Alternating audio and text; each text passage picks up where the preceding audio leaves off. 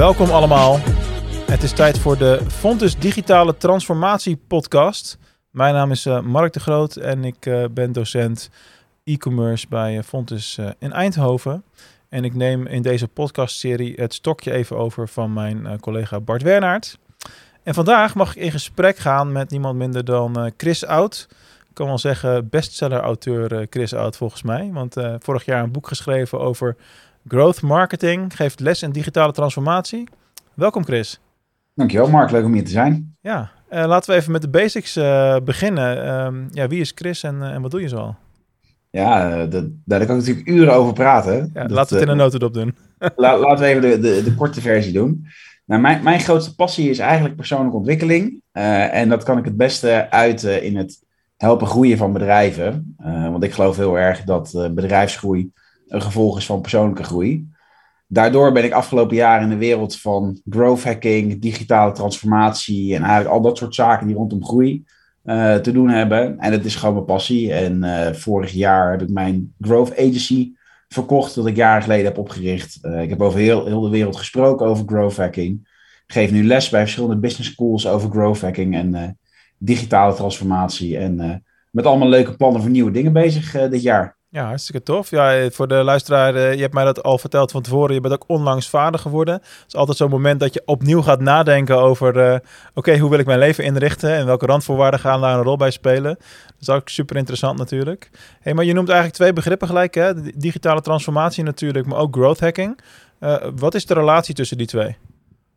Nou, eigenlijk wat ik, wat ik altijd aangeef in mijn colleges en, en, en spreekbeurt en consultancy... is dat eigenlijk elk bedrijf wordt een softwarebedrijf, zou je kunnen zeggen. Mark Andreessen uit Silicon Valley, bekende venture capitalist, heeft dat gezegd.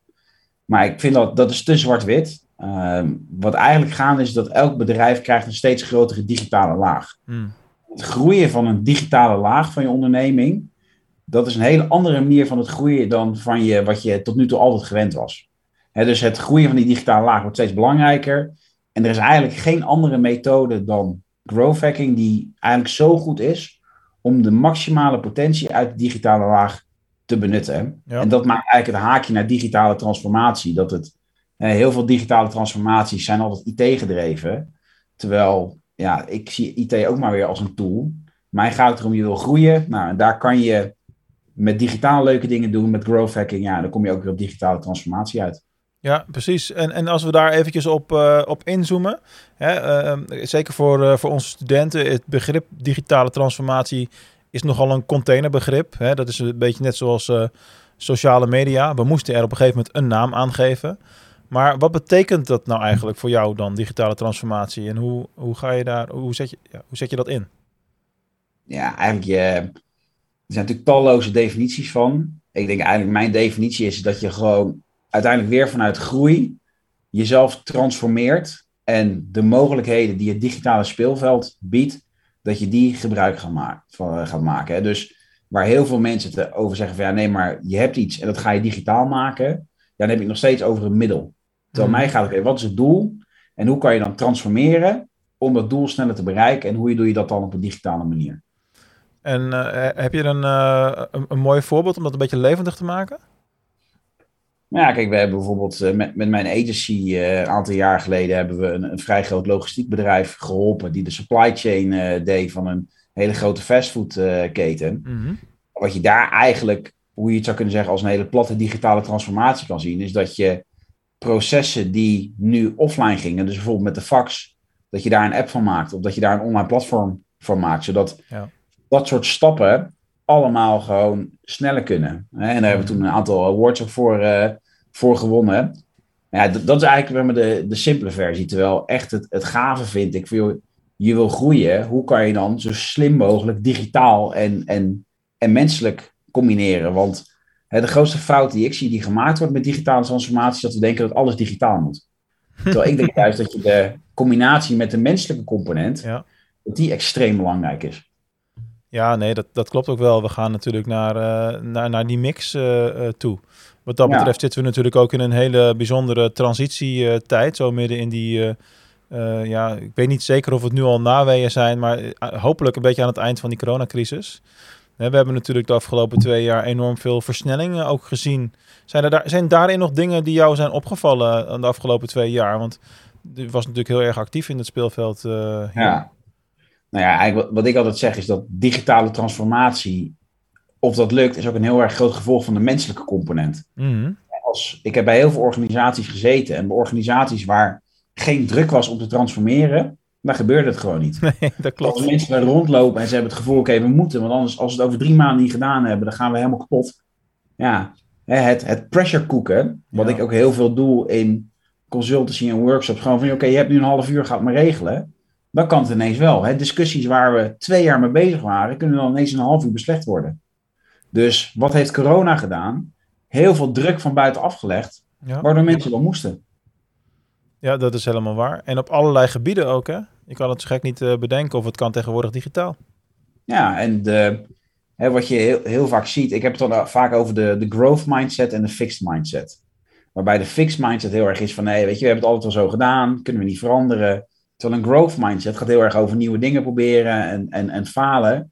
En wat je dus nu ziet, is dat de organisaties en mensen die tot nu toe weg konden komen met een fixed mindset, ja, dat gaat gewoon niet gebeuren, omdat de, de prijs van, van het niet doen is gewoon te groot geworden. Dus mensen moeten wel. En daardoor zijn die stappen gewoon gezet. En zijn er ook heel veel mensen kapot gegaan, hè, omdat ze gewoon niet mee konden. Heb je dat niet in elke transitie? Ja, zeker. En de, alleen ik denk dat deze transitie heel heftig is geweest voor heel veel mensen. En ik denk dat mm mensen zoals jij en ik, die gewoon hier al decennia mee bezig zijn. ja, letterlijk. Voor, voor, ons is corona eigenlijk een speeltuin, als je het heel pas laat. Omdat zoveel dingen waarvan je weet, kijk, dat zou eens een keer moeten gebeuren, die moeten nu allemaal gebeuren. Maar als jij totaal niet bekend bent in deze wereld en je moet ineens, ja, dan, dan heb je slapeloze nachten. Dus ja, het zit in elke transitie. Maar ik denk dat deze transitie wel heel heftig is geweest ook voor heel veel mensen. Ja, daar heb je volkomen gelijk in. En um, ik heb dat inderdaad in het begin van de coronacrisis ook aan de lijve meegemaakt. Ik was toen net begonnen bij Fontis uh, in mijn parttime, doc parttime docentschap. En uh, ik was er geloof ik vier, vijf maanden en toen moesten we ineens vanuit huis les gaan geven. Nou, ik had in week één, had ik een, uh, toen hadden we nog niet de tools uh, besloten wat we moesten gaan gebruiken. dus toen heb ik voor het vak marketing, had ik geloof ik gelijk een webinar systeem wat ik dan al had. En met 200 studenten tegelijkertijd online en ik vond het geen enkel issue. Ja. Maar natuurlijk logischerwijs genoeg collega's die keken mij aan van ja, leuk online lesgeven, hoe dan? En die hadden dat nog nooit gedaan. Totaal logisch natuurlijk. Wat ik interessant eh, gevonden heb in de afgelopen twee jaar in dat proces, is dat het ook omgeslagen is. Dat heel veel docenten nu, ja jeetje, moet ik dan weer fulltime terug naar uh, fysieke locatie. Dat is ook weer het andere uiterste. Er ontstaat nu iets moois, hybrides. En dat is, dat is interessant. Ja, zeker. En het is wel de, de skillset van het offline lesgeven versus online lesgeven is compleet anders. Want ja. ik denk dat, dat, dat Remco Klaassen is het volgens mij, die, die heeft dat een keer heel mooi getypeerd. Dus als jij mensen in een klas hebt zitten, dan kunnen ze of naar buiten kijken of naar jou. ja. Als mensen achter de computer zitten, dan kunnen ze naar jou kijken. Maar ze kunnen ook naar Facebook en naar Insta ja. en naar TikTok. Ja, weet je, als jij met die platformen moet concurreren voor aandacht, mhm. dan moet je echt wel van, van goede huizen komen. Omdat zeker als mensen een dag lang naar een scherm zitten te kijken, om ze op dat niveau te houden. Dus ik heb daar zelf ook wel heel veel mee getest. En, en mijn offline colleges zijn volkomen anders dan mijn online college. Uiteindelijk dezelfde boodschap probeer ik over te brengen, maar de manier waarop is compleet anders. En hoe, hoe merk je dat bijvoorbeeld in, in leervormen die je toepast, uh, om, maar, om maar wat te noemen? Ja, dus bijvoorbeeld uh, uh, offline, dan pak ik een, een whiteboard en een paar stiften en dan ga ik heel veel vragen stellen en heel veel interactie. Ja. Ja, dus daar waar ik natuurlijk in het offline format heel veel interactie heb met whiteboards, is in het online format ben je veel meer bezig om die aandacht erbij te houden. En dat kan eigenlijk maar door één ding. Dat is door heel erg de principes van het pitchen van je start-up te gebruiken. Hè, dat is, eh, David Beckett heeft daar een heel mooi boek over geschreven, de, de three-minute pitch. En het, eigenlijk, de kern is daar, elke 30 seconden moet er iets veranderen. Dus mijn online colleges, die hebben 100 slides per uur. Zo. Gewoon om tak, tak, tak. Ik ken niet één docent bij ons die dat heeft. Ja. En maar er staat op heel veel slides alleen een plaatje of één woord. Dit doet me denken, ik zal geen namen noemen, want het is natuurlijk geen commerciële podcast, maar dit doet mij wel denken aan bepaalde webinars van uh, goeroes in, in Nederland die dat ook op die manier doen. Elke paar seconden een andere slide. Ja, en het puur, het, je denkt het gaat nergens over. En als je dat in een klas doet, dan kijkt iedereen je aan, wat voor idioot ben jij dat je dat doet. Ja. Omdat da, dat is gewoon niet de context ervoor. Maar ik denk dat dit ook een, een ideaal voorbeeld is van het digitaal transformeren. Je moet letterlijk jezelf transformeren naar iets anders. Ja. Om het op een digitale manier te doen. Maar ja, daardoor kan je er ook heel veel uithalen. En hè, wat er dus afgelopen lockdown is gebeurd, hè, zeker op die business schools waar ik dan les gaf. Mijn hele mechanisme van offline lesgeven had ik echt perfect geoptimaliseerd. Ik haalde negens of hoger. Ja, dan moet je dus ineens hetzelfde college online gaan geven. Ja, dan zie je dat je het eerste college een stuk lager haalt. Mhm. En dan het tweede weer hoger. En nu bij het derde zit het weer op het oude niveau. Maar dan moet je toch weer even vinden van hoe werkt het nou. Maar is het niet, is het niet juist digitale transformatie het perfecte onderwerp om dit bij te moeten doen? Hoe heb je dat ervaren? In welke zin bedoel je dat? Ja, omdat je letterlijk ook die transformatie zelf hebt moeten maken. Terwijl het onderwerp van de les ook nog eens over die transformatie gaat. Ja, ja, nee, dus het is de. Je hebt natuurlijk het mooie gezegd, uh, het huis van de schilder, uh, dat moet ja, ja, ja, ja, Ik kan je 50 dingen laten zien aan mijn infrastructuur die gewoon nog niet kloppen. Dat als je dat bij een klant zou zien, dat je echt zou zeggen, joh, wat, wat is het voor amateurisme? Ja, ja. Het punt is, ik weet ook wat de essentiële dingen zijn in mijn business. En ja, bij mij is het heel simpel. Alles wat met praten te maken heeft, daar verdien ik mijn geld mee. Dus als ik daar iets mee kan doen, ja, dan zal ik daar eerder naar neigen. Omdat daar zit de echte businesswaarde. Terwijl als je nu aan mij vraagt, ga even drie uur een tekst schrijven. Ja, dat, dat, daar ga je mij niet blij mee, uh, mee maken. Nee, dan is het helemaal bijzonder dat je nog niet je podcast uh, in, in de air hebt natuurlijk. Maar goed, dat even terzijde. Dat, uh, um, ja, zeker. Maar, maar dat heeft ook weer met de, het isoleren van de dingen die, die je leuk vindt ja. te maken. Hè? En ik denk als je dat weer relateert aan digitale transformatie. Het klinkt heel lekker, maar heel veel mensen vinden het helemaal niet leuk. Weet je, als jij geen feeling met IT hebt, zoals heel veel mensen nog steeds digitale transformatie zien, ja, ga jij dan boven op de banken staan dat we digitaal moeten transformeren? Ik denk dat een heel groot gedeelte dat, dat niet wil. Nee, maar de vraag die ik daarbij kunt stellen is of dat te maken heeft met dat ze het, dat ze het niet willen willen, of gewoon de algemene basisinstelling van heel veel mensen dat, uh, dat, dat je ageert tegen verandering. En we ja, willen vaak dat alles hetzelfde blijft als mens. Ja, het mooie gezegde, mensen willen wel veranderen, maar niet veranderd worden. en en dat, dat, in dit speelveld krijg je dat natuurlijk wel uh, heel vaak mee. En ik probeer altijd te kijken van nou, hoe kan je nou mensen in staat stellen dat ze het een beetje gaan begrijpen van wat er aan de hand is. Want dan is het allemaal geen raketwetenschap en kunnen ze er ook veel meer zelf mee doen. Ja, dat is waar. Hey, als je kijkt vanuit, uh, want je hebt je agency dus inmiddels verkocht. Dat is, al, ja. dat is dan recent, uh, relatief recent gebeurd natuurlijk. als je eventjes teruggaat naar die tijd hè, en ehm, ehm, je kijkt naar hoe digitale transformatie in die periode heeft plaatsgevonden. Wat heeft dat voor effect gehad op, op de organisatie die, waar je leiding aan gaf? En, en heeft dat iets gedaan met de manier waarop jij leiderschap moet, hebt moeten tonen bijvoorbeeld? Ja, kijk, de, het zijn natuurlijk een aantal, aantal, vragen die ik even moet, moet ontrafelen. Maar ik denk als je het, het stap voor stap bekijkt. In het begin toen ik erbij kwam was, eh, was het gewoon vooral websites maken. Mm.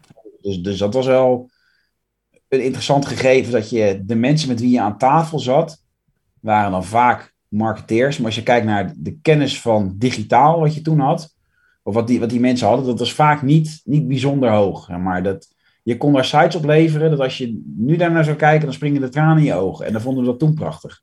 Ja, maar dat gaat heel snel soms, hè?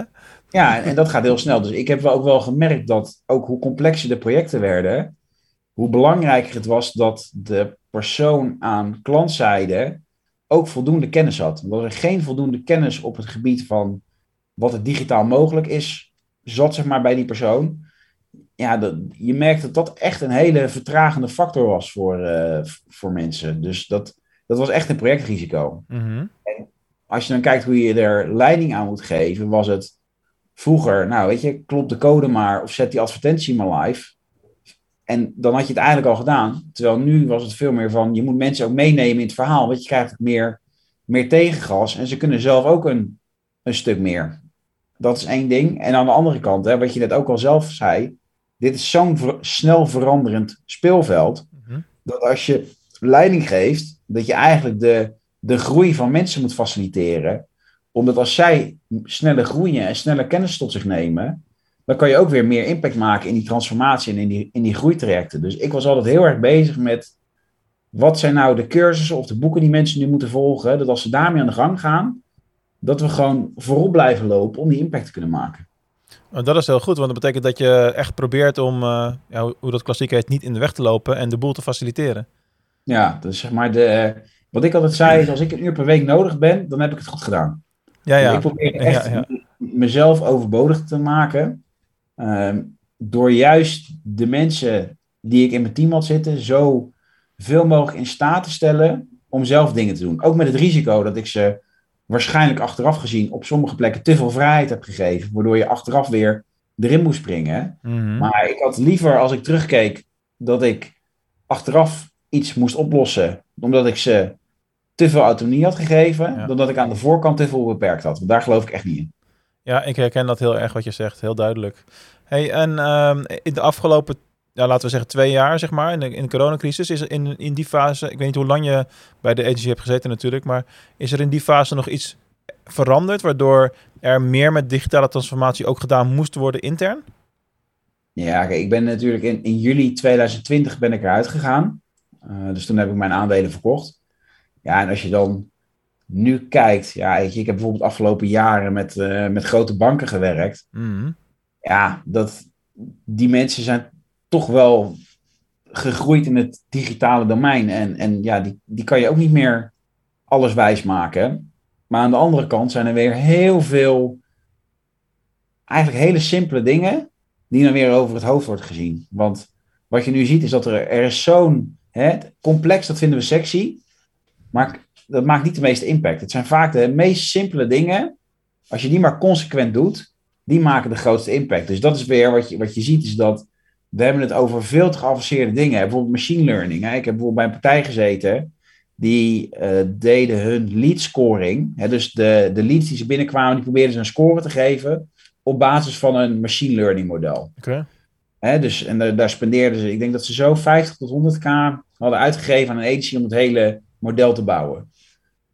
Terwijl als die mensen een offerte kregen, werden ze niet nagebeld en kregen ze één slechte e-mail. Ja, dat is echt, dat, dat, dat, dat is jeukmaak. Ja, oké, ik val hem.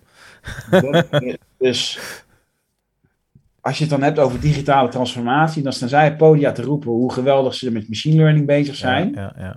Maar ze laten miljoenen liggen aan de andere kant. En waar bedrijven mij voor inhuren, is om die, die doorbraken te zien, waardoor ze in nog extremere omzetgroei kunnen komen. Ja, en mijn advies is dan vaak niet, je moet een machine learning model voor je lead scoring gaan maken. Je moet eerst even zorgen dat je weet waar het geld zit en dat je daar ook het pakt.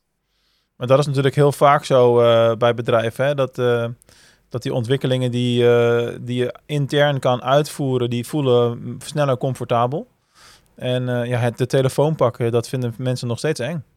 Ja, het is ook, het is, ik noem het altijd het, het verjaardagsgesprek. Als jij op een verjaardag zit, dan is het natuurlijk veel leuker om te vertellen wat voor geweldig eh, machine learning model je aan het bouwen bent voor de bank waar je werkt.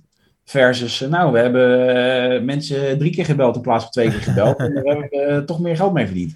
Ja, maar ja, de meest succesvolle eh, dingen die zijn eh, repetitief en saai. eh. Ja, 100%. Dat, dat heb ik ook de afgelopen jaren wel geleerd. Alright. Eh en, en als je kijkt naar het, bedrijfsmodel, bijvoorbeeld bij... eh nou, laten we even het hartje naar het onderwijs eh, maken. Want je, je geeft digitale transformatie onder andere voor Nijenrode. ja, klopt. Maar hoe, hoe ziet zo'n programma er dan uit? Dus stel, ik ben een student en ik kom bij jou naar binnen wandelen. Het vak is digitale transformatie. En dan? Ja, dus eigenlijk de, bij Nijenrode ben ik dus onderdeel van de driedaagse digitale transformatie masterclass.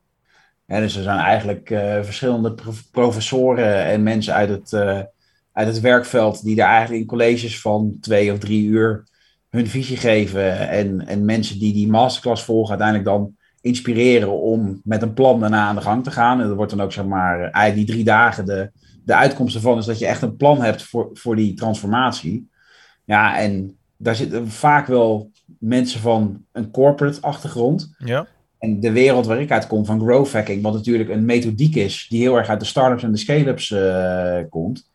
Hè, mijn doel is om dan een beetje de boel op te schudden. Van joh jongens, uh, leuk uh, al het gepraat over digitale transformatie. Maar je hebt hier al die speedboten, al die startups die jullie helemaal gek gaan, gaan maken.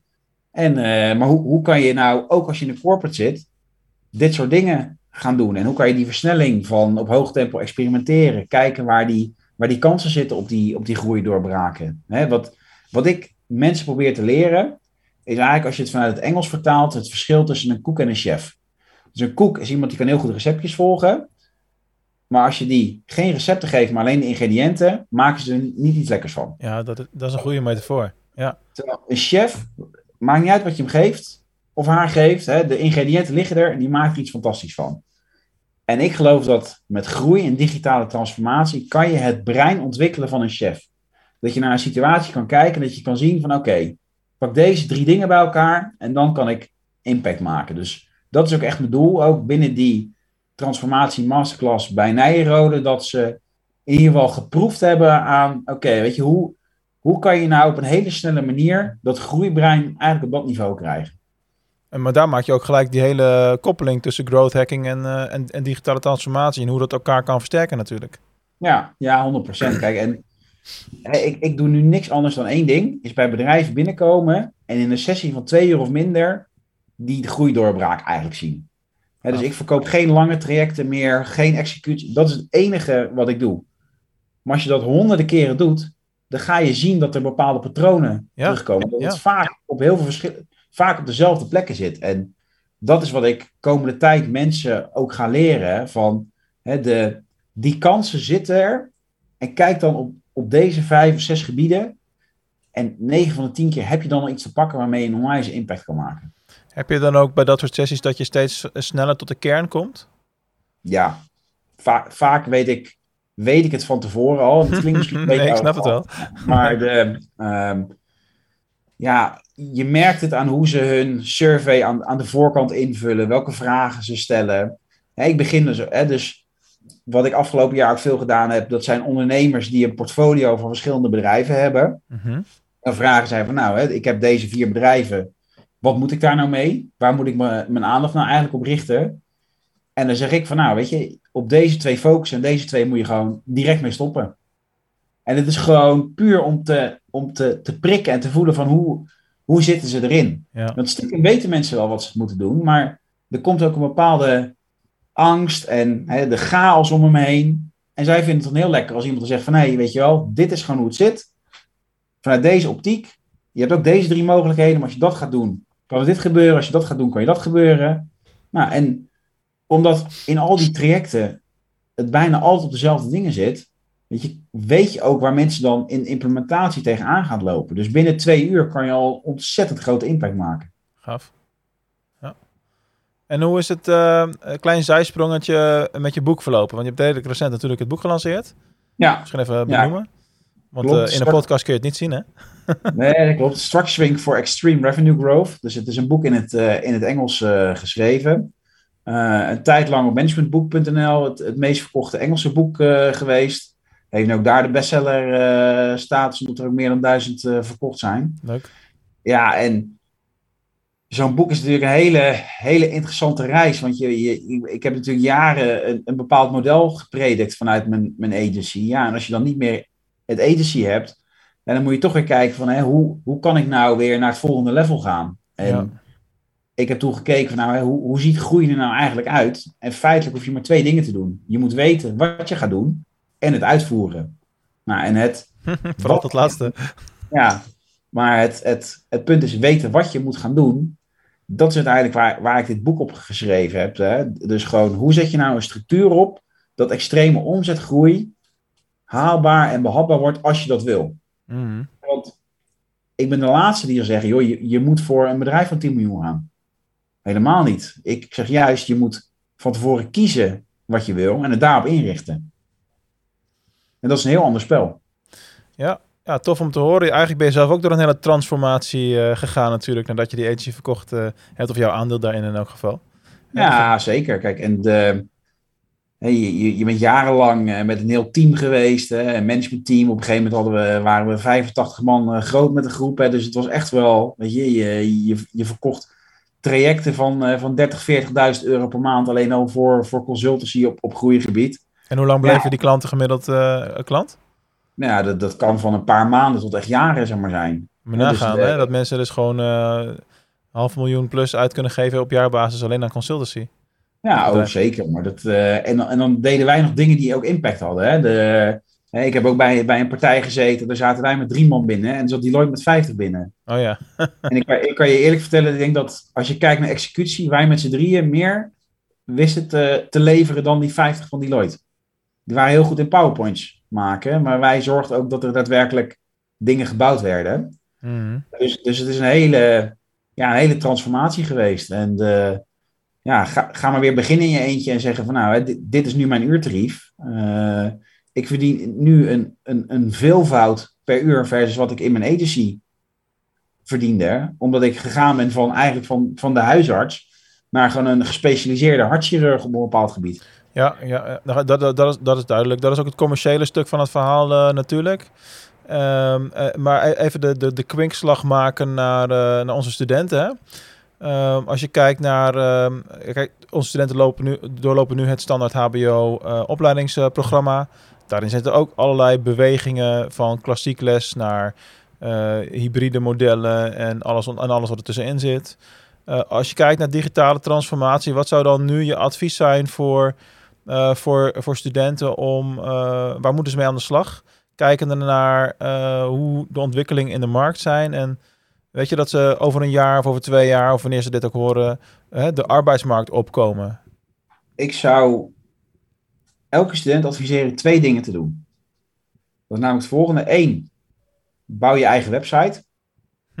ja. Ga daar dan traffic naartoe genereren. Want de, toen ik accountant was bij KPMG, had ik als hobby ernaast dat ik twee websites in de lucht had uh, geslingerd. Waarbij ik echt alles fout heb gedaan wat je fout kon doen. Maar daardoor, hè, als je het over hosting had en WordPress en plug, weet je, dat, ik had er een keer mee gespeeld. Ja. Dus ik wist veel concreter waar ik het over had. Hè. Dus gewoon, het gewoon eens een keer doen en er zelf mee spelen. Dan zie je ook van, oké, waar, waar heb ik gevoel voor en, en welk element vind ik eigenlijk heel leuk.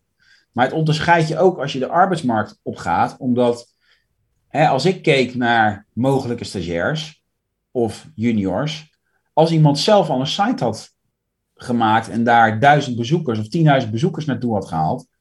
Ik wist, daar hoef ik zoveel basics niet aan uit te leggen, omdat ze hebben het zelf geproefd. Ze hebben zelf zich eruit moeten googelen, als ze iets niet wisten. En dat is, dat is een heel onderscheidend vlak. En ik denk het tweede is, is dat een, een trend die je nu heel erg nu ziet, is no-code of low-code. Dus je kan bepaalde apps, bepaalde workflows, kan je eigenlijk coderen tussen haakjes gezegd, door verschillende tools aan elkaar te, aan elkaar te rijgen. Mm En als jij comfortabel wordt met no-code tools, om daar applicaties zeg maar, van te maken. Dus bijvoorbeeld uh, iemand schrijft zich in op de website, dan koppelt dat met een, uh, een CRM en dat doet weer uh, dingen met het e-mailmarketing systeem. Ja. En uiteindelijk verkoop je dan een videocursus. Hè. Het is gewoon hè, één gedachtespinsel, maar het koppelen van verschillende tooling aan elkaar. Als je, als je dus dat kan en een website maken, nou, dan heb je echt gewoon al, al goud in handen. Ehm, en dan zou de derde zijn als bonus, zou het focussen op copywriting. Want waar ik heel erg in geloof is dat uiteindelijk alle digitale transformaties, de transformaties doe je om meer impact te kunnen maken met je bedrijf of meer te kunnen verkopen. Maar uiteindelijk, zeker in een één op één gesprek, kunnen wij gewoon en met elkaar praten. Maar als jij dan iets zegt waarin ik op voorbereid was, kan ik op dat moment iets bedenken en alsnog proberen over te halen. Mhm. Als jij een geschreven tekst leest en jij denkt, nou, ik, ik, ik, hier haak ik af, dan ben je iemand ook daadwerkelijk kwijt. Maar aan de andere kant, ik kan maar één één op één gesprek hebben. Maar er kunnen wel miljoenen mensen tegelijk mijn teksten lezen. Dus het leren schrijven en creëren van teksten of copy of scripts waar mensen op aangaan en zeggen, ja, dat wil ik hebben dat is een vaardigheid die, die is tijdloos voor de rest van je carrière. Ja, en dat ondanks dat er zo'n enorme brei aan content natuurlijk al, uh, al is. uh, voorbeelden te over van uh, studenten die dit soort dingen doen bij ons.